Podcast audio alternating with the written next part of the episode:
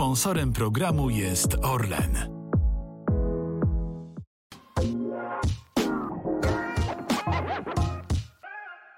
Cześć, dzień dobry. To jest podcast e, olimpijski, który gościł już e, wielu siatkarzy, ale po raz pierwszy gościmy siatkarkę. Jest z nami brązowa medalistka Ligi Narodów, e, ćwierćfinalistka Mistrzostw Świata, półfinalistka Mistrzostw Europy, liderka Ligi Tureckiej Magdalena Stysiak. Cześć. Cześć, dzień dobry, witam wszystkich. E, Magda, po wywalczeniu kwalifikacji olimpijskiej, już minęło od tego kilka miesięcy, powiedziałaś, że nie mogę w to uwierzyć, że jesteś e, w szoku. Czy już teraz wierzysz? Nadal jest to coś bardzo ciężkiego. Jak, mo, mogę tak powiedzieć, że ja nadal. No nie, nie wierzę, po prostu nie wierzę. Myślę, że jak tam pojadę dopiero, to, to zacznie to do mnie, uświadomię sobie, że, że po prostu jadę na igrzyska i to jest, to było dla mnie coś niesamowitego, te emocje, które były, ale ogólnie patrząc całościowo z życia, to myślę, że to jest spełnienie marzeń każdego sportowca i każdy o tym marzy. Ja, ja byłabym w stanie dać wszystko, żeby jechać na igrzyska. Więc teraz jak to się spełni, jeżeli trener mnie tylko będzie chciał w reprezentacji, to, to polecimy do tego Paryża i no mama ściarki, więc coś niesamowitego. Pamiętasz, kiedy po raz pierwszy zamarzyłaś o igrzyskach? To było w 2017 albo 2018 roku i wtedy to było Tokio w 2020. Wtedy yy, wiadomo, nie jest to sport indywidualny, jest to sport zespołowy, więc jakby od nas zależy to, od naszej ekipy, od naszej drużyny, czy się dostaniemy. Mieliśmy bardzo duże szanse i grałyśmy zresztą bardzo dobry mecz z reprezentacją Turcji. O właśnie Tokio. Prowadzimy 2-1 i niestety przegrywamy 3-2. No taki jest sport, nie udało się jechać, ale wtedy pierwszy raz pomyślałam sobie, że kurczę, w tej reprezentacji jest nadzieja, jest szansa na to, żeby, żeby pojawić się na może następnych igrzyskach. No i jesteśmy. Pochodzisz y, z małej miejscowości, ze wsi tak naprawdę, z y, Turowa pod Wieluniem. Ilu Turów liczy mieszkańców? Jejku, no myślę, że około 200. Więc Turów to jest moja mała wioska. Zawsze jak wracam, e, ludzie bardzo się cieszą, super mnie, super mnie witają i jest to moja taka, taki azyl, mogłabym powiedzieć, tak? E, wiadomo, mogę mówić i też mówię, jak ktoś mnie pyta, skąd pochodzisz, pochodzę z Wielunia, bo to jest większa miejscowość, e, gdzie większość osób zna. Ale jednak, jednak Turów to jest mój Turów i, i pozdrawiam wszystkich mieszkańców oczywiście. Y, W wielu Twoich notkach biograficznych pojawia się informacja, że w Turowie się urodziłaś, ale domyślam się, że w Turowie szpitala nie ma. Czy to jest y, właściwa informacja, czy tak. Tak. rzeczywiście było? Tak, tak, nie, nie, dokładnie. Ja urodziłam się w Wieluniu, normalnie, ale wiele osób mnie pyta i dlatego właśnie, że ja tak kocham swoją miejscowość. e, Może dlatego jest tyle wpisów na ten temat, ale Wieluń to jest moje miejsce urodzenia. Czy pochodzisz ze sportowej rodziny? Czy Twoi rodzice byli sportowcami? Nie, nigdy. Nigdy, nigdy do sportu, w ogóle do siatkówki. Namówił mnie mój brat, który też kiedyś pogrywał w siatkówkę, był też do prezentacji, e, ale niestety przez kontuzję już nie mógł grać, zdrowie mu nie pozwoliło. Nigdy jakby nie miałam do czynienia ze sportem w rodzinie. Tata kiedyś grał sobie tam w koszykówkę, ale to w gimnazjum jak był, tak po prostu hobbystycznie, mama w piłkę ręczną, ale to nigdy nie było na takim jakimś większym poziomie, więc e, było na początku to ciężko dla nich zrozumieć, że dziecko w wieku 13 lat chce wyjechać z domu, być poza domem, do Szczyrku, do szkoły sportowej. I naprawdę wiem i pamiętam do tej pory, jak mama płakała zawsze, że jak to możesz tam wyjeżdżać. Ja, oczywiście puściła mnie, tak, oczywiście chciała, żebym spełniała swoje marzenia. I tak naprawdę teraz jestem za to wdzięczna, bo ta droga, która się tak potoczyła od początku, to myślę, że nikt w nią nie wierzył, tak? I nawet ja sama nie wierzyłam, że pochodząc z małej miejscowości, e, nie, nie mając nazwiska, nie mając pieniędzy, tak? Można, można grać w siatkówkę, więc no to jest coś fajnego. To naprawdę teraz jak sobie coś o tym, o tym pomyślę też, to jestem naprawdę wdzięczna bardzo moim rodzicom, bo naprawdę włożyli kupę, kupę, kupę roboty tak naprawdę w to, poświęcenie energii od najmłodszych lat i nie wiadomo jakby to się, jak, jak to się potoczy, tak nigdy nie wiadomo, ale mieli, e, mieli tą wiarę i, i za to im dziękuję. Twój tata jest bardzo wysoki i w sumie twoja mama też jest bardzo wysoka, prawda? Ile mają e, wzrostu? Tata ma 2,6 m, mama ma 1,80 m. I ty masz 203. Ja mam 203, tak. Ma, mój brat ma 208. Więc cała rodzina wysoka. Moja babcia. Moja babcia jest, w ogóle ja uwielbiam chodzić z moją babcią pod rękę, bo ona mi sięga gdzieś dotąd. Ona też ma około 1,80 m. Babcia chodzi, idziemy sobie tutaj zawsze. Taki gang mój po prostu śmieje się zawsze, że jak idę gdzieś na zakupy. Moja babcia też jest bardzo wysoka. To jest tak, e, mama mojego taty, więc cała rodzinka. Zresztą dziadek też był wysoki i od mamy strony i od, od taty, więc chyba to mam genetycznie. Przypadkiem trafiłam do Twojego gimnazjum, gimnazjum numer dwa w Wieluniu, bo rok spędziłaś tam, zanim e, wyjechałaś do SMS-u e, w Szczyrku i spotkałam Twojego nauczyciela WF-u, który powiedział mi tak, zawsze uśmiechnięta, otwarta, kontaktowa, empatyczna, niczym się nie przejmowała. E, Dobry charakter do sportu i tak naprawdę bardzo sprawna do każdej dyscypliny. E, Kiedy Ty zaczęłaś szybko rosnąć i jak w związku z tym intensywnym wzrostem, mimo wszystko zachowałaś tę taką sprawność fizyczną? Bo to nie idzie w parze często. To nie idzie w parze na pewno i wiadomo, ja mogę powiedzieć, że może być jeszcze lepiej, tak? Mogło być jeszcze lepiej, więc to nie jest tak e, wszystko elegancko, ale ja od najmłodszych lat, właśnie rozmawiałyśmy o tej miejscowości, gdzie mieszkam, grałam z chłopakami w piłkę nożną. Biegaliśmy, e, chowaliśmy się po drzewach, e, różne jakieś rzeczy. Po prostu ja jak wracając ze szkoły w podstawówce, mama mnie nie widziała w domu w ogóle. Ja wychodziłam, robiłam lekcje, wychodziłam i wracałam wieczorem. Mama wiedziała, że jestem na boisku, że wszystko jest ok, ale ja nie mogłam w domu siedzieć. Ja od zawsze byłam tą energiczną osobą, tym e- energicznym dzieckiem, które no, się, że ma ADHD. Więc y, po prostu wszędzie mi było pełno, wszędzie. Eee, Zresztą nawet od małego dziecka, jak miałam takie iskierki w oczach, babcia miała, pamiętam, taki wazon, tak, ja tego nie pamiętam, tylko z opowiadań, taki wazon wielki, jakiś historyczny. Ja tylko się patrzę na babcię, mała, mała jestem, zaczęłam chodzić. No mówi, nie ruszaj tego. A ja tak chodzę z iskierkami w oczach i tylko pum i wszystko się rozbiło, więc od najmłodszych lat lubiłam jakby takie e, soty, dokładnie.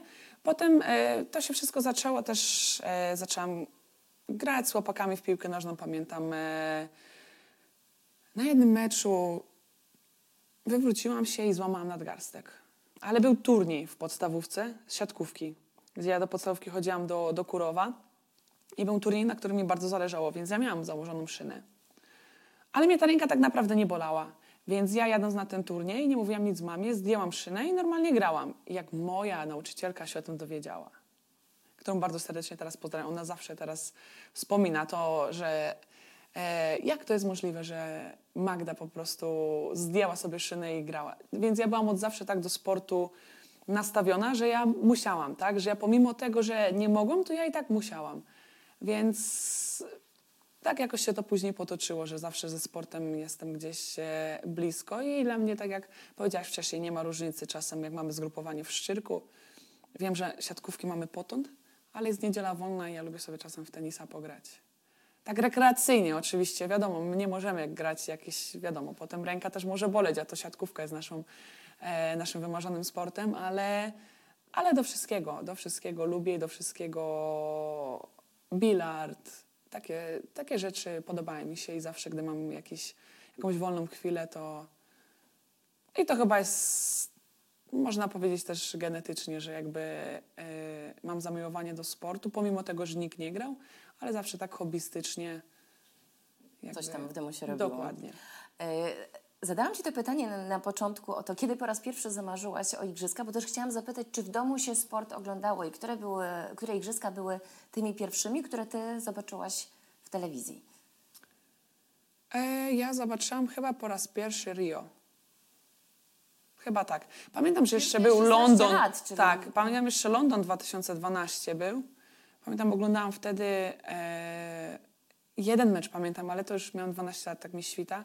Brazylia grała w siatkówkę. Bo pamiętam, bo grałam potem z koleżanką z Adenizją w klubie, więc jakby zapamiętałam ją właśnie i z, było wiadomo jeszcze je- wiele innych zawodniczek, które naprawdę e, grały na wysokim poziomie, na światowym poziomie, ale jakby ją zapamiętałam. I oczywiście babcia, która ogląda skoki narciarskie i to jest jej, i ona po prostu ma taki karton, wszystkie zapiski, jak jeszcze Adam Małysz skakał kiedyś, co, co wygrał, kiedy, ile skoczył, wszystko zapisuje do tej pory nawet, więc igrzyska jak były w skokach też, to, to jakby byłam zmuszona oglądać z nią. Czyli rozumiem, że twoje statystyki też babcia prowadzi przede wszystkim. Oczywiście, oczywiście. Ostatnio dostałam właśnie opierdziel. Dzwoni do mnie, czemu ty mi nie powiedziałaś, że będziesz w telewizji? No, słuchaj, nie wiedziałam, no po prostu puścili, nie o tym kocka chodzi dzisiaj, tylko wcześniej jakąś reklamę. Tak, ty mi musisz mówić zawsze, bo ja tutaj muszę wiedzieć, tutaj w gazetach, to mi pani ze sklepu mówi, że ty jesteś. Ja mówię, skąd ja mam wiedzieć, jak ktoś, jak dałam wywiad i ktoś puści to do gazety, okej. Ma takie wycinki, wszystko, wszystko kolekcjonuje i jest naprawdę zapatrzona w to, żeby mieć wszystko po kolei. Nie daj Boże, żeby ktoś to dotknął. To jeszcze wracając do twojej babci, czy babcia jest jedną z członkiń e, koła gospodyń wiejskich Oczywiście, że jest. Oczywiście, że jest. Tak, tak, tak. Babcia, ciocia, druga ciocia. Tak, tak, należą. Bo słyszałam, że jak e, wracasz z jakiejś wielkiej imprezy z sukcesem, to właśnie koło gospodyń wiejskich organizuje wielkie powitanie i wielką fetę na cześć właśnie Magdy Stysiak i są przygotowani świetnie. Tak, dokładnie. Już dwa razy albo trzy razy się tak zdarzyło, gdzie naprawdę miałam świetne powitanie. Mamy salę OSP naprzeciwko mojego domu tak naprawdę w Turowie. I tylko się pytają, która godzina ci pasuje. I one organizują wszystko. One organizują poczęstunek, tort, szampan. Ostatnio byłam w takim szoku. Zdobyłyśmy medal na WNL-u. I ja wracam do domu. Plakat, nie mam pojęcia ile metrów, wisi normalnie, wisi na sali OSP. E, Magda Dumą-Turowa.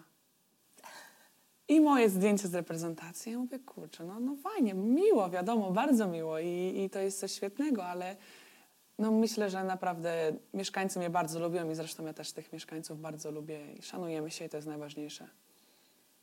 To jak e, wracasz do domu, masz e, dużą listę domów do odwiedzenia, czy raczej do ciebie ktoś przychodzi, a ty masz szansę odpocząć? Różnie, różnie, różnie. Powiem szczerze, że moja rodzina jest. Większość od taty strony też jest, pochodzi z Turowa, może z Wielunia, więc ja mam bardzo blisko, tak? Od mamy strony jest troszkę dalej, ale jakby wszyscy jesteśmy bardzo blisko, nie trzeba tam daleko gdzieś jeździć. Myślę, że najdalej, jakbym miała jechać, to około pół godzinki, tak? E, Też na wioskę za Wieluń, więc e, wszyscy jakby jesteśmy skupieni w jakby może w jednej miejscowości. Czasem wiadomo, teraz jak przyjechałam, będę, będę się starać każdego odwiedzić, bo to jest ważne, tak? Ale też nie ukrywam, że chciałabym odpocząć trochę w domu, bo i fajnie by było, jakby, po prostu wszyscy przyjechali. Dobrze są święta, więc wszyscy przyjadą, zobaczymy się. I taki jedyny czas spędzimy właśnie, gdzie naprawdę będę mogła się ze wszystkimi zobaczyć, bo tak to jeździć, każdego odwiedzać też, wiadomo, nie jest łatwo. Chciałabym bardzo, ale czasem czas nie pozwala. Bo tu ważna informacja dla naszych widzów i słuchaczy. Y, Wykorzystałam to, że Magda przyleciała do Polski na święta i spotkałyśmy się i nagrywamy ten podcast y, jeszcze przed y, świętami. Dokładnie. Turów i Kurów. Podstawówka w Kurowie, mieszkasz w Turowie. Jak docierałaś do szkoły Ile, i w ogóle jaka jest odległość? Odległość jest bardzo, nie wiem, półtora kilometra, może dwa kilometry, może nawet nie. E, jest to wioska, więc droga jest, można powiedzieć, prosta. Jak było lato, rowerem, zawsze. E, w zimę autobusem. Autobus kursował miejski zabierał wszystkie dzieciaki, które chodziły z Turowa i z innych wiosek dookoła, można powiedzieć, okolicznych, e, do szkoły w Kurowie, gdzie chodziłam no, 6 lat, całą podstawówkę i całe przedszkole. Więc też z tą szkołą jestem związana bardzo. E, Chciałabym wrócić do tego wazonu Twojej babci i do nauczyciela z gimnazjum, o którym e, wspomniałam chwilę e, wcześniej. Powiedziałaś o tych iskierkach w oczach i o tym, żeby od czasu do czasu coś zbroić. No i on mówi, no taka luzacka, a to ściągnąć spodenki koleżance, która przed nią stoi, a to rzucić do kosza, kiedy nikt nie patrzy. Faktycznie masz taki charakterek żartownisi, dowcipnisi? No myślę, że tak, myślę, że tak, myślę, że teraz już jest wiadomo, jestem już troszkę starsza, jakby są te żarty troszkę na wyższym poziomie, że tak powiem. Ale tak, tak, tak, ja myślę, że obojętnie kogo by zapytać, to dziewczyny odpowiadają jakby ta osoba żartobliwa, czy z reprezentacji, czy z klubu, nawet tutaj Fenerbahce w moim obecnym klubie, ja. Więc e, ostatnio koleżanka nawet dała jakiś wywiad w Turcji do telewizji tureckiej, że no Magda to jest taka właśnie, przyjdzie, tu zaczepi, tu coś powie, tutaj coś i zawsze się śmiejemy, trzeba być poważnym, ten się denerwuje na treningu, a Magda tutaj przyjdzie, tutaj, ale jak trzeba pracować, to wiadomo, pracujemy. Ale atmosfera też luźna musi być, bo ja uważam, że, że to bardziej scala zespół i to pomaga, więc e, tak, ja jestem tą osobą, gdzie czasem lubię sobie pożartować, to na pewno. E, powiedziałaś o trenerze. W Turcji twoim trenerem jest Stefano Lavarini, a więc także trener siatkarskiej reprezentacji Polski. E, co on w sobie ma, że z tego zespołu, który tak naprawdę budowałyście przez lata, mówię teraz o reprezentacji, wydobył ten potencjał, którego wcześniej nie było widać, tak to określę. Bardzo dobrze powiedziałaś. e, mentalność. Zmienił naszą mentalność. E, bo wiadomo, doświadczenie każda zawodniczka ma inne, każda zawodniczka ma większe, mniejsze, więcej meczy wygranych, mniej meczy wygranych. Okej, okay, to ma jakiś wpływ na pewno, ale to nie rozchodzi wszystko o to. Myślę, że mentalność i wiara w nasz zespół i okej, okay, to, że stałyśmy się w końcu zespołem, bo to trzeba też otwarcie powiedzieć. Staliśmy się w końcu zespołem, tak? Tak, tak ma wyglądać zespół, tak, tak wygląda zespół, który musi wygrywać, można powiedzieć, który chce wygrywać i który chce walczyć e, o więcej. On mówi, kiedyś przed meczem, pamiętam, wygrałyśmy ze Stanami i on mówi, no okej. Okay. Z mistrzyniami olimpijskimi. Z mistrzyniami olimpijskimi, tak, no mówi okej, okay, ale wy się możecie cieszyć, ja się też cieszę, no ale to jest nasza gra, to jest dla nas coś normalnego teraz. Nie, nie wiem, my nie możemy świętować 10 dni dlatego, że wygrałyśmy ze Stanami, tak? My byśmy świętowały dwa miesiące, wiadomo, ale...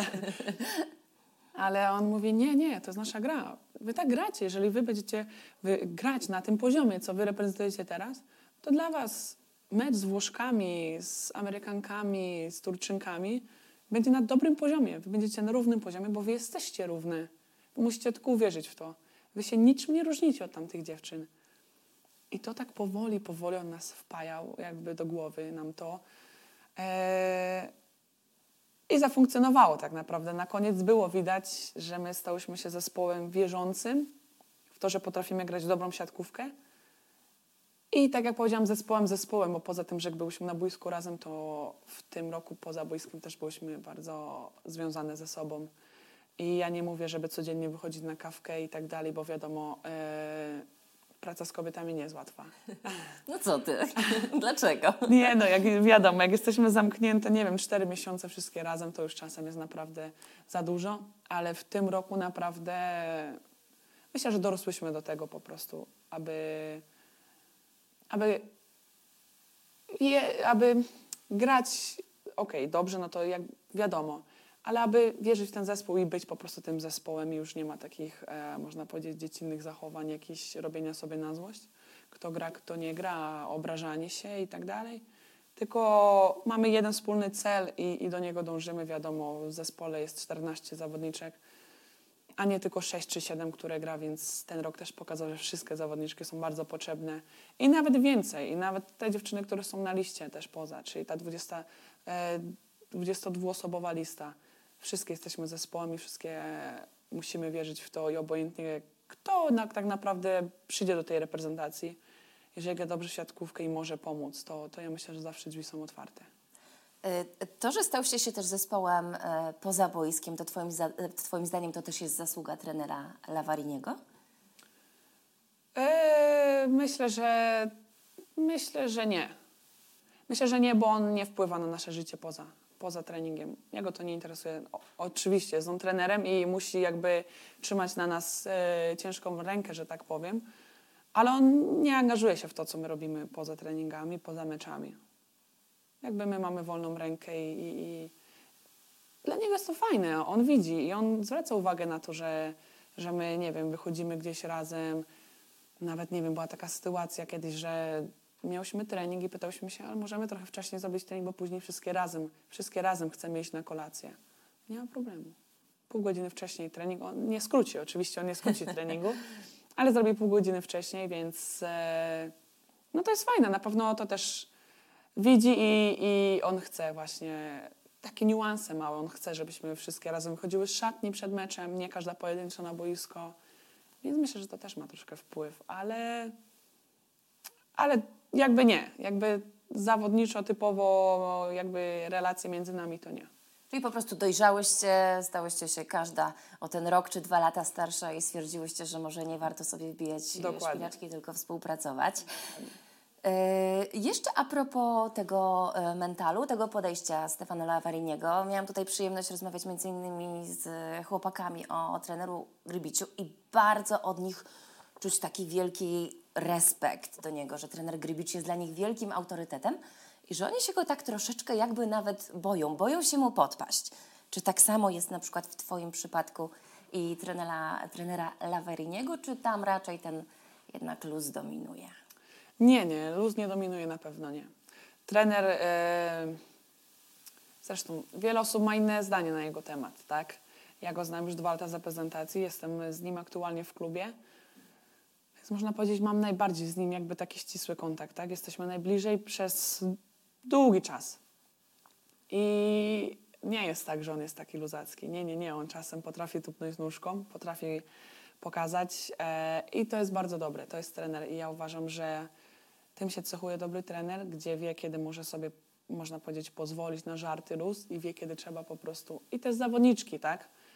To jest już profesjonalny sport i my też powinniśmy wiedzieć, kiedy można sobie przyluzować troszkę, a kiedy trzeba zapierdzielać na treningu, że tak powiem. E, oczywiście my do niego respekt mamy bardzo wielki. I myślę, że nie ma osoby, nie ma dziewczyny w prezentacji, która by go nie szanowała, nie lubiała albo coś takiego, tak? E, no naprawdę wpasował się bardzo dobrze w naszą reprezentację, czuje się dobrze, z tego co mi mówi, może kłamie, nie wiem.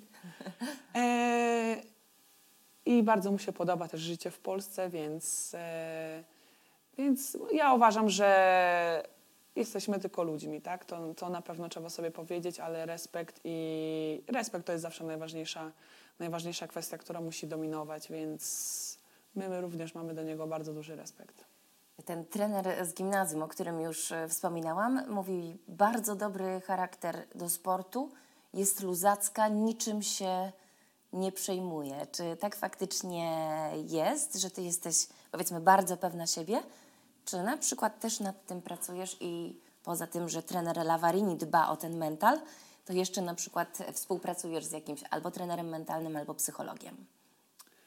E, nie, powiem szczerze, że okej, ja jestem luzacka, ale różnie. Ja nie powiedziałabym, czy jestem aż taka pewna siebie. Okej, ja po prostu lubię adrenalinę, ja lubię być atakującą, ja lubię mieć tą presję na swoich barkach na meczu. Ja wiem, że 24-24 piłka pójdzie do mnie. Ja wiem, że ja to muszę skończyć, tak? Wiele razy przegrałam takie mecze, że nie wiem, piłka setowa dla przeciwnika, ja zaatakuję w aut. Koniec. No i, i koniec, i, set, i po secie, tak? I co E, wtedy? Załamka, czy Chwilowa. Spływa, spływa to po tobie? Chwilowa, chwilowa załamka, bo człowiek uczy się na błędach i ja uważam, że tak samo trzeba wyciągać wnioski po wygranym, jak i przegranym meczu. I trzeba się po prostu uczyć, e, oglądać, co się zrobiło dobrze, co się zrobiło źle, ale myślę, że e, wiadomo, po przegranych meczach człowiek się dużo bardziej uczy, tak, niż po wygranych, ale jak się robi te błędy, to przecież człowiek wie, Człowiek wie, że zrobił ten błąd, przecież niespecjalnie zaatakowałam w aut albo, albo coś. Po prostu się stało. Więc e, mówię, nie, następny nie zaatakuję. Daj mi następną piłkę, daj. Ja, ud- ja udowodnię sobie przede wszystkim, że ja potrafię zaatakować i, i potrafię zrobić blok i tak dalej. Więc e, to jest może taka pewność siebie, tak? Ta na boisku. E, czy poza boiskiem mam taką pewność siebie? Nie wiem. Nie wiem, to już jakby nie mnie trzeba zapytać, to trzeba zapytać inne osoby. Ja mam twardy charakter, to trzeba sobie powiedzieć, to wszyscy wiedzą. E, ciężki charakter, bo walczę zawsze o swoje. Jeżeli ja sobie coś postanowię, to będę dążyć do tego, żeby to zrobić. I to czasem wielu osobom się po prostu nie podoba. Ale uważam, że no musimy walczyć o swoje marzenia i o swoje, o swoje rzeczy. Wiadomo, nie byłabym tutaj w tym miejscu, gdybym nie walczyła i gdybym po prostu wiele, zresztą wiele trenerów mi powiedziało, byłam bardzo młoda, że okej, masz tylko wzrost, ale co z tego? Że i tak tą siatkówkę nie będziesz grać, że po co? Ja mówię, no dobrze, zobaczymy. Zobaczymy. Jak będę miała 20 lat i nie będę grała, to wtedy przyjdę do ciebie, powiem dziękuję. I, i teraz właśnie jestem zadowolona, że pokazałam samej sobie tylko tak, że, że potrafię przez ten mój charakterek. Wiele było kłótni też. I z dziewczynami, i z trenerami. Ja też po, potrafię pokazać pazurek czasem. Już teraz mniej, już teraz mniej naprawdę, bo zresztą tak jak mówiłam, bardzo dobrze mi się pracuje z trenerem Lawarinim i my mamy swoje takie żarciki, wiadomo. Eee, ale nie, nie kłócimy się z nim, jakby żyje bardzo dobrze, więc już nie pamiętam kiedy kłóciłam się z jakimś trenerem albo, albo z zawodniczką. Dla żartów oczywiście, dla żartów trzeba.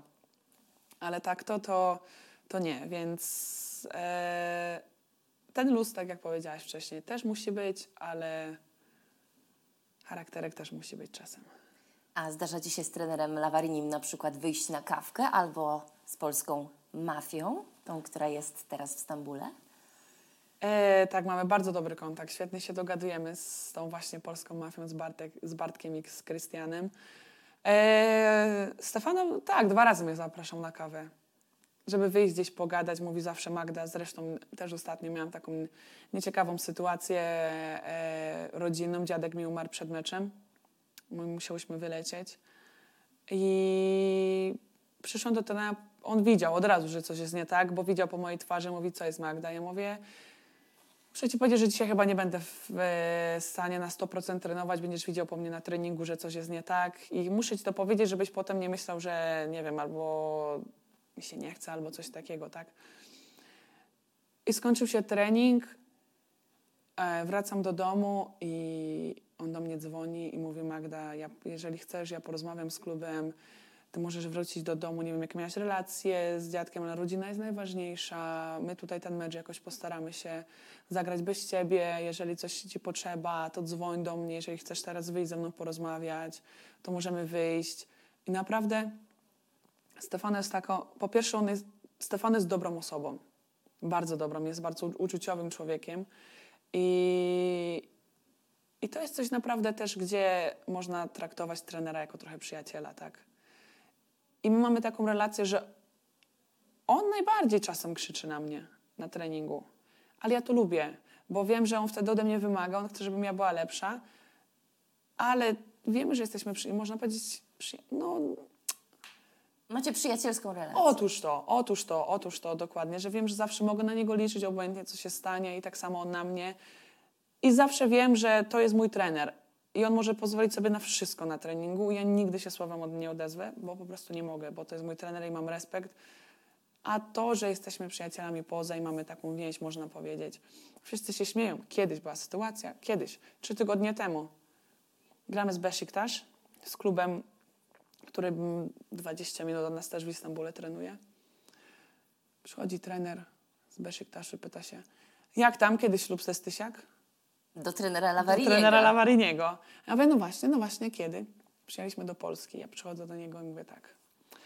No to Stefano, teraz możesz się wykazać. Moja cała rodzina, 20 osób jest na trybunach, więc po meczu, jak chcesz mi dać pierścionek, to... I on zaczął się tak śmiać, mówi Magda, Boże, ty jesteś taka szalona. I takie mamy na przykład takie żarciki, wiadomo. Eee, kiedyś właśnie miałam, poszliśmy na jakąś kolację wszyscy razem z Fenerbahce. Cała, cała, wszystkie dziewczyny, cała ekipa, cały sztab. I założyłam sobie jakieś pierścionki i ja mówię, zobaczcie, to od Stefano, zobaczcie. Więc, więc się tak zaczął śmiać. Więc mamy taką fajną relację, która, która myślę, że jest naprawdę zdrowa i, i prowadzi do fajnych rzeczy. A propos, jak już powiedziałaś o tych e, pierścionkach i o tej żartobliwej, przyjacielskiej relacji ze Stefaną, to generalnie chciałam porozmawiać o relacjach i o tym, jak się ma 203 cm wzrostu w siatkówce na boisku, domyślam się super. A w życiu? W życiu miałam e, kiedyś problem z tym. Miałam kompleksy, tak zwane kompleksy. Teraz nie. Teraz, Jezu, ja Założę sobie szpilki, ja założę sobie buty na owcasie. Ja Przepraszam, muszę zapytać, jaki masz rozmiar buta i czy takie szpilki w ogóle istnieją? Tak, tak, tak. Ja nie mam dużej stopy. Ja mam 40 sportowe, okej. Przez to, że e, mam stabilizatory na kolana, to muszę te buty mieć troszkę więcej, e, troszkę większe. Więc sportowe buty mam 45,5, 46, ale to w ogóle szpilki nieduże. 44. Ja normalne tak. I kozaki, szpileczki jakieś 44 i pewnie, że tak. Sukieneczka i, i na kolację pewnie. Nie mam z tym teraz żadnego problemu. No ale właśnie pod kątem potencjalnej relacji, czy mierzysz wysoko w sensie, że na przykład mężczyzna musi być od ciebie wyższy? No bo domyślam się, że wielu takich nie ma. Jest wielu, jest. Tak. Są koszykarze, są siatkarze, tak, tak, tak, tak. Ja byłam we Włoszech, miała, byłam w relacji 8 miesięcy z jednym byłym e, koszykarzem, gdzie był, można powiedzieć, taki, taki równy, równy do mnie. Ale no zobaczymy, to jest tylko życie teraz, więc co będzie, to będzie luzik. i dokładnie, luzik. Nie, nie, nie stawiam sobie żadnej presji, żadnej, żadnej 0-0. E, nie wiadomo też, gdzie będę grała w następnym sezonie, za dwa sezony, więc nie chcę się też plątać w jakąś relację, gdzie potem będą tylko problemy. A propos tego, że teraz grasz w Turcji, cztery sezony spędziłaś e, we Włoszech, wcześniej grałaś między innymi w Policach i w Łodzi. A wracamy do tego, że pochodzisz z Turowa, które liczy 200 mniej więcej mieszkańców. Zawsze ciągnęło cię do wielkiego świata i nie miałaś problemu z tym, że tak jak powiedziałaś, w wieku 13 lat opuściłaś dom rodzinny i wy- wyjechałaś już wtedy do Szczyrku. Zawsze, zawsze mnie ciągnęło i zawsze chciałam poznawać świat. Lub, lubię podróżować. Wiadomo, nasze po- podróże niestety na reprezentacji kończą się tym, że zwiedzamy tylko hotel i hale. Ale tak już jest, więc ja mogę powiedzieć, że naprawdę byłam w Chinach, byłam e, w Korei, byłam w Stanach, e, w jakiś tam nie wiadomo, naprawdę pół świata i nic nie zwiedziłam. I nic nie zwiedziłam, tylko tak jak mówię, hotel i hale. E, od małego, tak jak, tak jak powiedziałaś, od wieku 13 lat wyjechałam, zresztą skończyłam, napisałam maturę i już w wieku 18 lat wyjechałam do Włoch i, i wiedziałam, że, że tam po prostu znajdę swoje miejsce. Byłam tam 4 lata, 2 lata w klubie Scandici, klubie z Florencji, 2 lata w Milano, w Monzie tak naprawdę, blisko Mediolanu. I, i czułam się świetnie, tak? I, i, I wtedy można powiedzieć, że wtedy po, podróżowałam w wolnym czasie. Zwiedziłam, byłam w Rzymie, byłam w Wenecji, byłam w Pizie, byłam w takich, wiadomo, w takich e, miastach, które warto zobaczyć we Włoszech. I teraz właśnie czekam w Turcji też na to, że jak będzie chwila wolnego, to, to dziewczyny mnie gdzieś zabiorą i pokażą fajne miejsca, bo naprawdę jest coś zwiedzać i Turcja jest przepięknym krajem, więc bardzo zresztą mi się bardzo dobrze tam mieszka. Stambuł liczy około 16 milionów 18 teraz. Nawet już słyszałam. 18 Dokładnie. milionów mieszkańców. Jak się żyje w, w Stambule? Jak wygląda to twoje tureckie życie? Nie wiem, ile, e, e, jak daleko mieszkasz od sali swojej treningowej i czy jedziesz tam trzy godziny, przebijając się przez korki? Właśnie, właśnie nie. Pomyślałam o tym jakby przed sezonem już i, i przyjeżdżając do Stambułu znalazłam bardzo fajne mieszkanie bardzo blisko hali. E, bardzo blisko hali znaczy 5 minut na nogach. I ja nie chciałam nawet samochodu. Więc ja żyję bez samochodu w Turcji, bo mi jest niepotrzebny. Jeżeli ja chcę gdzieś jechać do koleżanek, biorę po prostu taksówkę, gdzie tam taksówki to no, na zawołanie, można powiedzieć. Tak naprawdę jest ich bardzo dużo i, i co chwilę jeżdżą. I są też bardzo tanie nawet. Tam życie jest naprawdę, nie jest drogie, można powiedzieć, więc e, opłaca się tymi taksówkami jeździć. A codziennie chodzę sobie na pieszo, na trening, spacerek, po treningu spacerek, więc e, fajne mieszkanie mam, tak jak, tak jak powiedziałam, blisko, przychodzę, wracam, mam garden, ogródek, więc sobie zawsze wychodzę, kawkę piję, jak jest ciepło. Oczywiście teraz zaczyna się robić zimno, więc E, Zimno 15 stopni, rozumiem.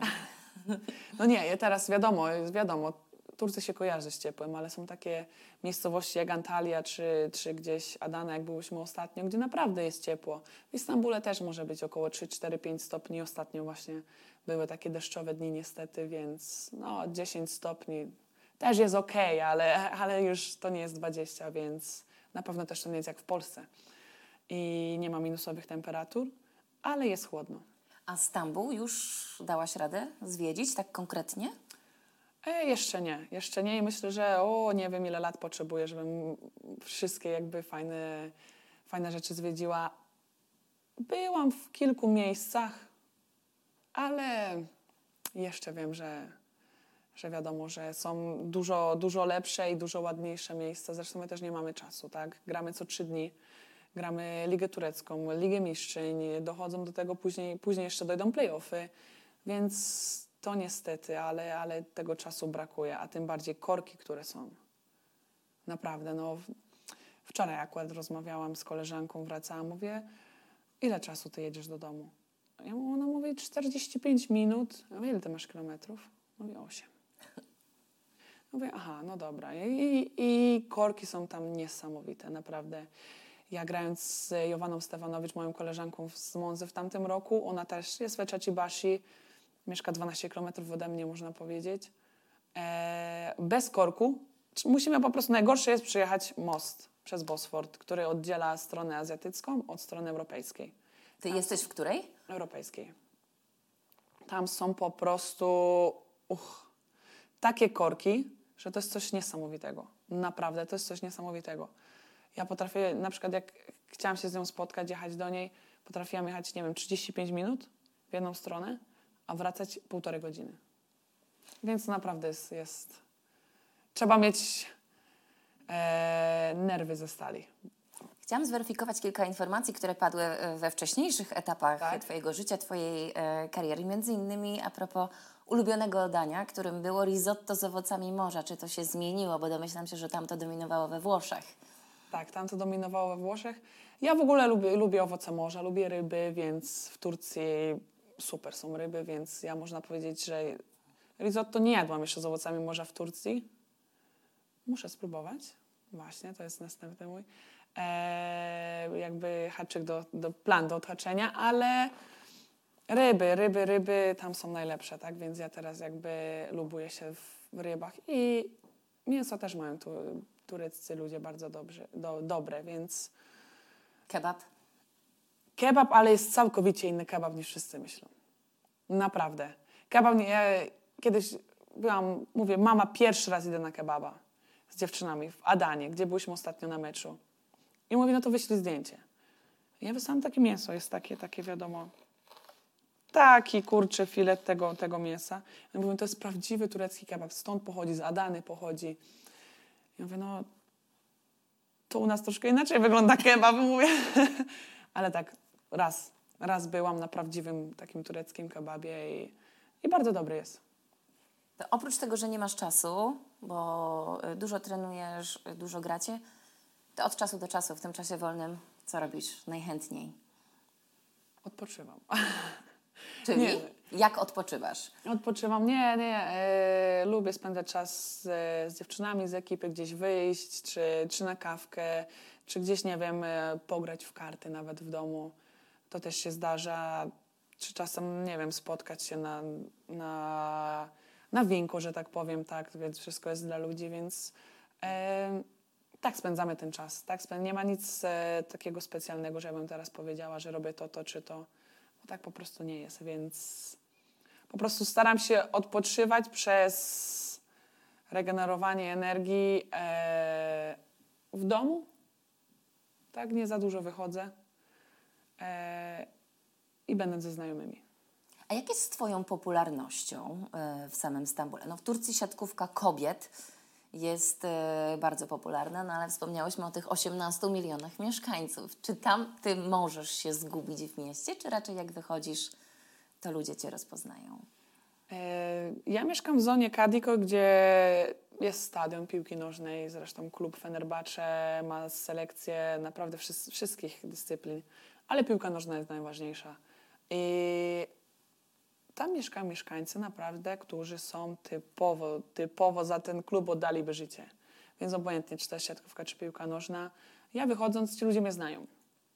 Ci ludzie mnie po, e, mówią dzień dobry, cześć, jak się masz, co słychać. Zawsze zaczepiałem, zawsze, zawsze, zawsze. E, nie pamiętam, czy był taki dzień, gdzie mnie ktoś nie zaczepił, powiem szczerze. I czasem to jest fajne, a czasem to jest męczące, wiadomo. E, ale większość jest fajna, bo nie są ci ludzie natrętliwi, tylko po prostu cześć, pomachają z restauracji, albo stysiak, stysiak, stysiak. Więc to jest fajne. Rozumiem, że zagadują do ciebie jednak po turecku, tak? Swoim językiem tureckim, bo teraz do znajomości języków chciałabym przejść. No już powoli, powoli. E, będę chciała, jak teraz wrócę od nowego roku, zapisać się na lekcję. Będę chciała się nauczyć tego języka. Już podstawy takie znam, kilka słów. E, rozumiem też troszkę. Czyli ten small talk na ulicy yy, Tak. udaje ci się. Tak, tak, tak, to na pewno, to na pewno. Śmieję się nawet do dziewczyn. Czasem jak przychodzę do szatni, to też jakieś słówka albo jakieś zdanie szepnę po turecku, to się zawsze śmieją. Mówię, Magda, ty jesteś taka agentka. I muszę powiedzieć szczerze, to jest najtrudniejszy język. Mówię w czterech, ale to jest najtrudniejszy i myślę, że nie będzie mi łatwo się go nauczyć na tip-top. I na pewno się go nie nauczę na tip-top, ale dla mnie najważniejsze jest po prostu podstawa, żeby się komunikować. E, Powiedziałaś o tych czterech językach. E, Polski, angielski, włoski i serbski. Skąd się wziął ten serbski język, którym ponoć, co przyznają same Serbs Serbki, posługujesz się perfekcyjnie? No tak, dobre pytanie, skąd się wziął? Nie wiem, nie wiem skąd się wziął. Ja zaczęłam mówić po serbsku, będąc w chemiku Police, grając z Sadzianą Mirkowicz i Bianką Buszą. E, ja myślę, że jestem taką trochę półbałkanką, można powiedzieć. One się tak śmieją. Ja lubię ich muzykę, uwielbiam ich muzykę. Naprawdę potrafię cały dzień słuchać tych e, serbskich mu, mu, tej serbskiej muzyki. E, z- nie, nawet nie wiem, jak to się wszystko zaczęło, tak? Seletka zaczęła mówić po polsku, ja zaczęłam mówić trochę po serbsku i tak z dnia na dzień coraz więcej, coraz więcej. Coraz więcej znajomych z Serbii. I tym językiem zaczęłam posługiwać się na co dzień. Będąc w chemiku, poszłam do Skandici. Były chyba cztery dziewczyny, które mówiły po serbsku w pierwszym, w pierwszym roku. W drugim tak samo cztery albo pięć. Albo coś takiego, cztery chyba.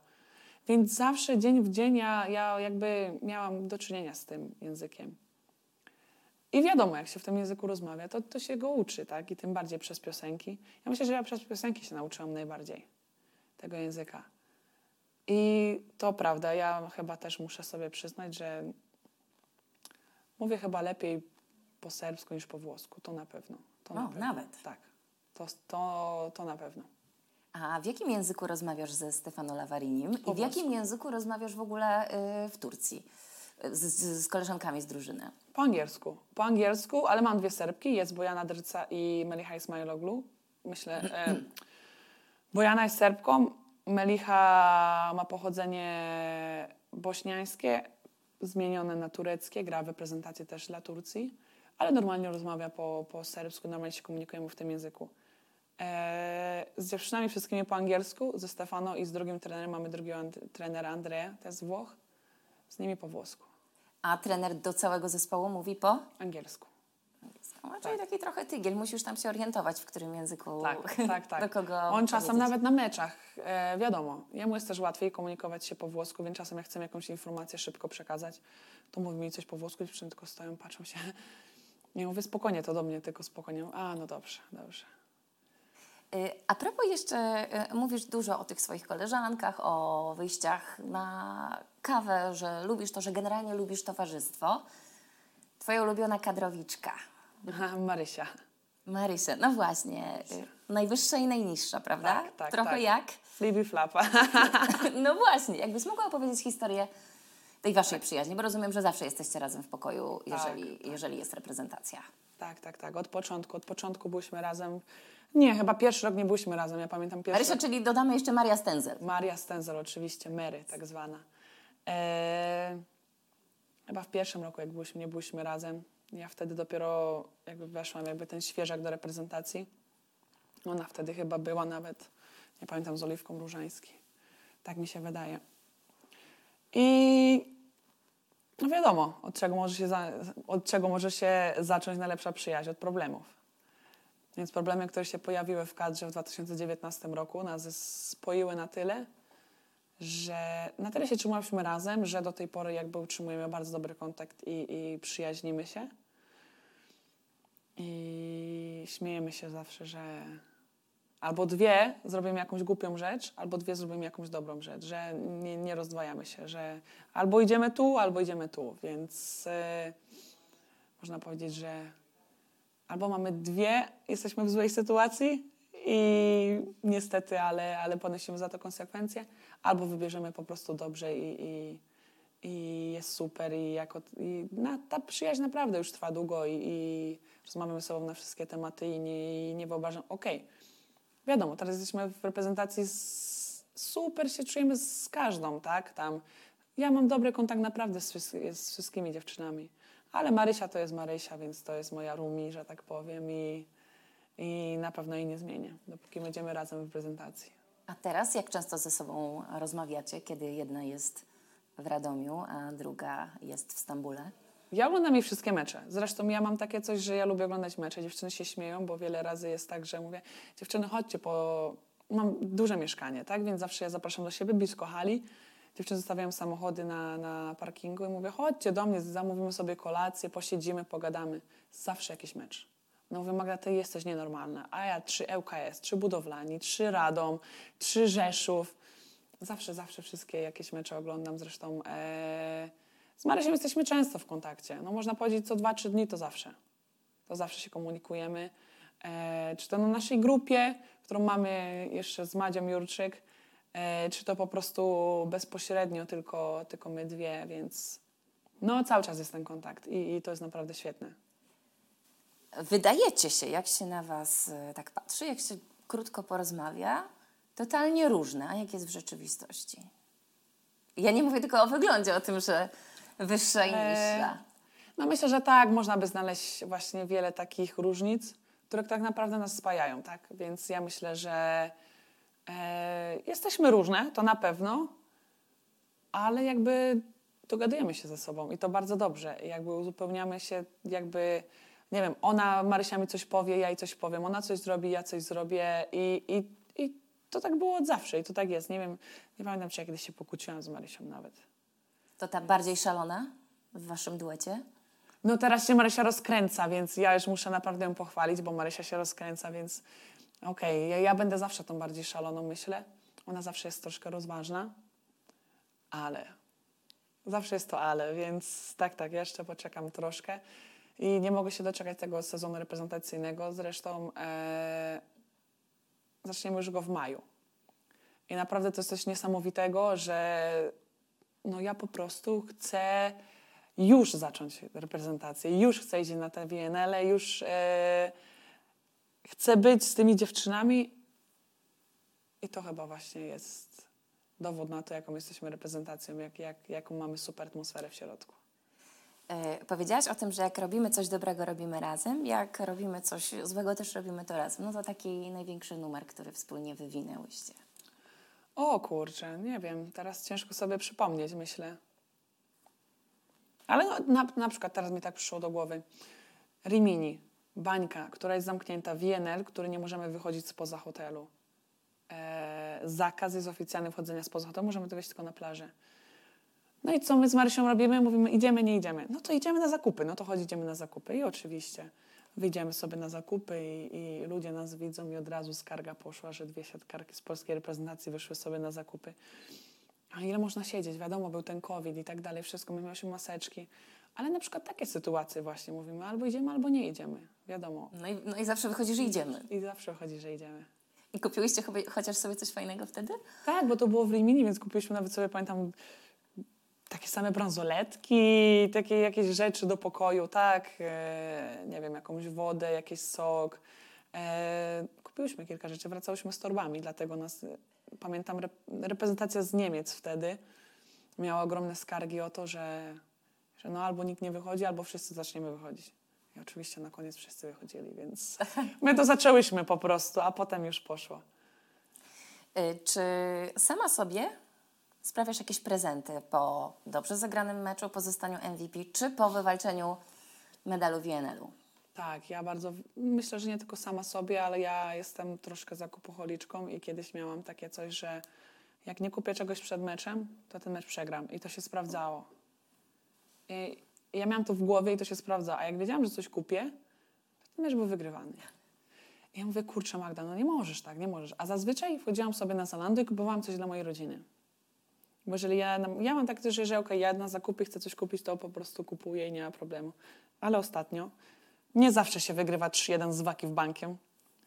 Trzeba było coś kupić, więc kupiłam sobie fajne buty, których myślałam już trochę długo, więc, więc mówię, dobrze.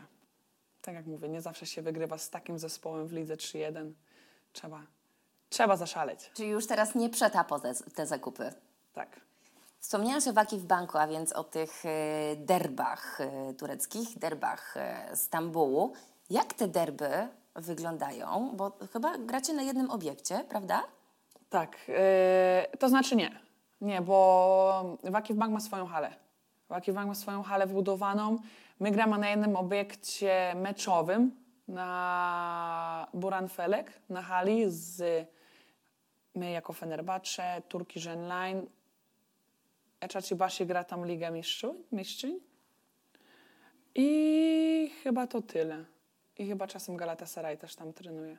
U nas największe derby są z Galatasaray, można powiedzieć, bo to są dwa kluby, Fenerbahce i Galatasaray, którzy w piłce nożnej no, rywalizują ze sobą bardzo. I u nas kibiców nie może być z dwóch drużyn na tym meczu. Albo jest, jeżeli my jesteśmy, my gramy w domu, są tylko nasi kibice, jeżeli oni grają w domu, są tylko ich kibice, bo bardzo są zafrustrowani na ten pierwszy, możecie wierzyć mi lub nie, pierwsze słowa, które padły, Magda, musisz wiedzieć, że nie możesz nosi, nosić nic czerwonego. Jak to? Co to za problem, jak ja założę jakąś bluzę czerwoną? Nie, to są barwy Galatasaray. Jeżeli ktoś z Fenerbahce cię zobaczy w czymś czerwonym, no to będzie nieciekawie. Więc dlatego ja wczoraj poszłam do Edy Erdem. Mówię, Eda, słuchaj, są święta, ja wracam do domu, mogę zrobić czerwone paznokcie. No i tak nie ma problemu, ale potem jak już na meczu na przykład ja nie mogę i tam, tam obowiązuje, obowiązują taką zasady, że będąc w Fenerbahce nie można nosić nic czerwonego. Nawet paznokci. Nawet paznokci. Na mecz nie można mieć czerwonych paznokci. Kibice są tak szaleni pod tym względem, że trzeba tych zasad po prostu przestrzegać. Przyjrzałam sobie Twój Instagram. Masz e, około 150 tysięcy obserwujących. Czy sprawdzasz, jak wiele jest z Polski, jak wiele jest z Turcji? Jak to wygląda? Albo nie, z Włoch? powiem szczerze, nie sprawdzałam tego. Nie wiem, nie wiem, nie wiem, ale muszę zobaczyć. Myślę, że na pewno duża jest przewaga tureckich kibiców. To myślę, że na pewno. A to są jacy kibice? Wspierający czy też hejtujący? Powiem szczerze, że ja nie czytam ogólnie komentarzy pod meczem, pod jakby wpisem, ale nie pamiętam, kiedy dostałam jakąś złą wiadomość od kibica. Jakiś hejt czy jakaś obraza. Zawsze to są miłe wiadomości. Dlaczego o to pytam? Bo chciałam się odnieść do tego, co niedawno wrzuciła e, do sieci Paulina Damaska i to była obrzydliwa, bo innego słowa użyć nie można, obrzydliwa wiadomość nie od kibica, od nawet ciężko powiedzieć y, człowieka i zresztą wy do hejtu odnosiłyście się po zakończeniu sezonu reprezentacyjnego. Czy często spotykałyście się, czy w czasie sezonu reprezentacyjnego, czy klubowego, z takimi obrzydliwymi, strasznymi, hejterskimi wiadomościami? Myślę, że niestety yy, no są takie wiadomości. Niestety trzeba sobie powiedzieć i nie tylko takie, nawet jakieś faszystowskie, jakieś, jakieś takie naprawdę, tak jak powiedzieć, obrzydliwe wiadomości, gdzie po prostu ja nie wiem, jak może człowiek takie rzeczy napisać i od razu powinien ponieść jak największe konsekwencje za to, bo to nie jest człowiek normalny, który w głowie ma takie coś, więc yy, ja widziałam tą wiadomość od Pauliny i zresztą zdenerwowałam się bardzo i bardzo dobrze, to udostępniła, bardzo dobrze, klub tak reaguje i bardzo dobrze, że my jako zawodniczki wspieramy się i naprawdę reagujemy na to, bo to nie jest normalne i trzeba oddzielić po prostu hejt od krytyki i takich obrzydliwych wiadomości, bo ja rozumiem, że my jesteśmy osobami e, publicznymi, że tak powiem, nas, nas można oceniać, tak? E, ale my wiemy, jak zagrałyśmy źle mecz. My same siebie oceniamy. My nie potrzebujemy tej krytyki złej, tego hejtu. Nie, krytyka jest okej. Okay. Okej, okay. krytyka jest okej, okay, bo to trzeba sobie powiedzieć prosto w twarz, że to po prostu ludzie wymagają i ludzie krytykują i to jest okej, w porządku. To trzeba się z tym pogodzić. Ale ten hejt, te obrzydliwe wiadomości i, i no tego jest za dużo, tak? I tego jest za dużo, tak jak powiedziałam, trzeba to oddzielić i Ja mam nadzieję, że to się jakoś kiedyś zmieni, bo no bo ja kiedyś powiedziałam, ja kiedyś się kłóciłam z jedną osobą, mówię, słuchaj, ja twojej pracy nie oceniam. Ja ci nie mówię, co ty robisz źle w twojej pracy, albo dlaczego tak robisz, albo nie rób tego, nie rób tego. A w reprezentacji się niestety spotkałyśmy z obrazami nawet. Obrazami, że ta to taka, to taka, a ta ma takie kolczyki, a ta ma taki łańcuszek, a to to. Ja nigdy w życiu nie wpływam na, jakby nie rozmawiam o, o, o życiu tej danej osoby, która tak, tak mówi, tak pisze. Ale co jest najlepsze? Oni tak piszą i potem nie wiedzą na przykład, że miałam jedną sytuację w takim życiu. Ktoś do mnie napisał, potem przychodzi na mecz. Magda, ale ty super grasz tą siatkówkę. Jesteś naprawdę tak super zawodniczką. Ja po, za przeproszeniem no, nie wiedziałam, co zrobić. Mówię, jak można na tyle być takim chamskim człowiekiem, pozwolić sobie na to? Eee, no i tak jak mówię, dlatego ogólnie uważam, w Polsce jest czasem za dużo, za dużo tego hejtu. Ja się, z, czy we Włoszech, czy w Turcji nie spotkałam z takim czymś. Jest krytyka i ocenianie. Nie wiem, na przykład Magdalena jak zagrała dobre spotkanie, Magdalena jak zagra ze spotkanie, koniec, kropka. Nie ma wyliczania, nie ma mówienia, czy jakie ma kolczyki, jakie, jaki ma łańcuszek, tak jak powiedziałam wcześniej. Nie ma już tego krytykowania, nie ma tego hejtu. I to jest najważniejsze, bo jesteśmy tak samo osobami, my jesteśmy robotami, tak? I tak samo może nam się wydarzyć zły mecz. Ale no, czasem jest tego za dużo po prostu i mam nadzieję, że z biegiem czasu, wiadomo, jak są wyniki, to jest wszystko ok. Ile było? 3-4 dni po meczu z Tajlandią, gdzie przegrałyśmy, byliśmy najgorsze, nikt nas nie wierzył. Wygrywałyśmy, wygrałyśmy ze Stanami, wygrałyśmy, wygrałyśmy z Włoszkami, jedziemy na olimpiadę. Nagle super, wszystko elegancko. No okej, okay, są wyniki, to jest wszystko elegancko, ale kto wierzył po Tajlandii, że będą takie wyniki? I dlaczego ten hejt się pojawił po Tajlandii? Więc to jest takie niestety przykry temat, który, który się ciągnie i można o tym rozmawiać bardzo długo. No ale mamy nadzieję, że ten 2024 rok y, będzie taki bez hejtu i pewnie o to troszkę apelujemy. Jeszcze dwa tematy chciałabym z Tobą y, poruszyć. Mówiłaś o tej dużej liczbie meczów, które oglądasz. Czy oglądasz też te męskie spotkania, koszykówka mężczyzn, y, przepraszam, siatkówkę mężczyzn, a koszykówka może też? Eee, chciałam się wybrać co do koszykówki na, na mecz właśnie u nas w Stambule i będzie niedługo, więc mam nadzieję, że, że się wybiorę pierwszy raz. Ale nie oglądam koszykówki. Co do siatkówki czasem oglądam, tak, tak. Czasem oglądam i, i widzę, co mogę jednak powiedzieć, że, że coś z Zaksą coś się dzieje i to mnie też boli, bo jestem jakby, można powiedzieć, kibicką tego klubu i, i widzę, że coś tam nie gra, ale mam nadzieję, że powoli zaczną wracać do siebie i wszystko po nowym roku będzie tak, jak trzeba. Rozmawiałam e, z chłopakami też między innymi o pieniądzach e, w siatkówce i ci czołowi siatkarze naszej reprezentacji grający w czołowych też polskich klubach e, mogą spokojnie o sobie powiedzieć, że są milionerami, że ta liczba zer na koncie się zgadza. Czy ty też możesz to o sobie powiedzieć? Myślę, że jeszcze nie. Myślę, że jeszcze nie. Ja nie mogę powiedzieć, że jestem biedną osobą, nie mam pieniędzy, bo są dobre pieniądze, naprawdę. No, zresztą granie Fenerbahce to już wiadomo. E, kontrakt jest podpisany, naprawdę bardzo fajny. Ale jeszcze nie. Jeszcze nie mogę powiedzieć, że jest tam tych kilka zer na koncie. Zresztą mam trzy konta, więc na włoskim są jedne pieniądze. Może jak się wtedy. sumuje, to będzie tam kilka zer. Tak, to na pewno. Ale nie, zresztą też ja nie lubię rozmawiać o pieniądzach, bo to jest zawsze temat, e, można powiedzieć, ciągnący się cienką linią i każdy będzie oceniał to troszkę inaczej. Nie narzekam. Myślę, że naprawdę jak na, można powiedzieć, kobiecą siatkówkę jest ok. A jesteś w stanie już y, w jakiś sposób zainwestować, zabezpieczyć się na przyszłość? Tak, tak. Ja już mam jedno mieszkanie kupione w Łodzi i chcę iść właśnie w mieszkania, w inwestycje. Mieszkania, działki, teraz planuję kupić drugie mieszkanie.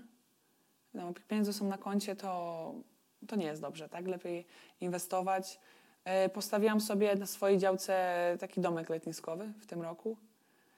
Więc tak, kręci się to wszystko powoli, powoli. Zaczynam inwestować i zresztą tak sobie postanowiłam, że jak będzie zdrowie, to z każdym sezonem chciałabym kupić jedno mieszkanie gdzieś. Na 2024 rok czego Tobie życzyć? Na pewno zdrowia, siły, psychicznej i fizycznej, bo to się na pewno zawsze przyda. Ale jak będzie zdrowie, to, to ja mówię sobie, jak będzie zdrowie, to ja sobie wszystko później wywalczę, więc na zdrowie najważniejsze. Wracając jeszcze do tych języków, to jak z Twoją znajomością języka francuskiego? No jeszcze nie, na pewno jakieś podstawowe słowa będę się musiała nauczyć, ale wiem tylko bonjour, je m'appelle. Tak podstawowe wiadomo, jak to, jak to człowiek e, ze znajomości, można powiedzieć, się śmieje zawsze. Więc nie mam żadnego, żadnej presji na ten język i ludzie we Francji też mówią po angielsku, więc Poradzisz sobie znakomicie. To już na sam koniec. Zdanie, które każdy w tym podcaście kończy i Ciebie także o dokończenie tego zdania poproszę. Latem 2024 w Paryżu.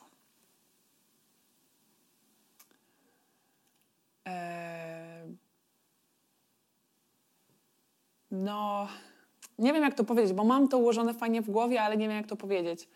Eee, jako drużyna będziemy spełniać swoje marzenia, damy siebie 100% i, i będziemy walczyć o medale. Trzymam za to bardzo mocno kciuki. Magdalena Stysiak, Dziękuję. Ci dziękuję. Dziękuję bardzo.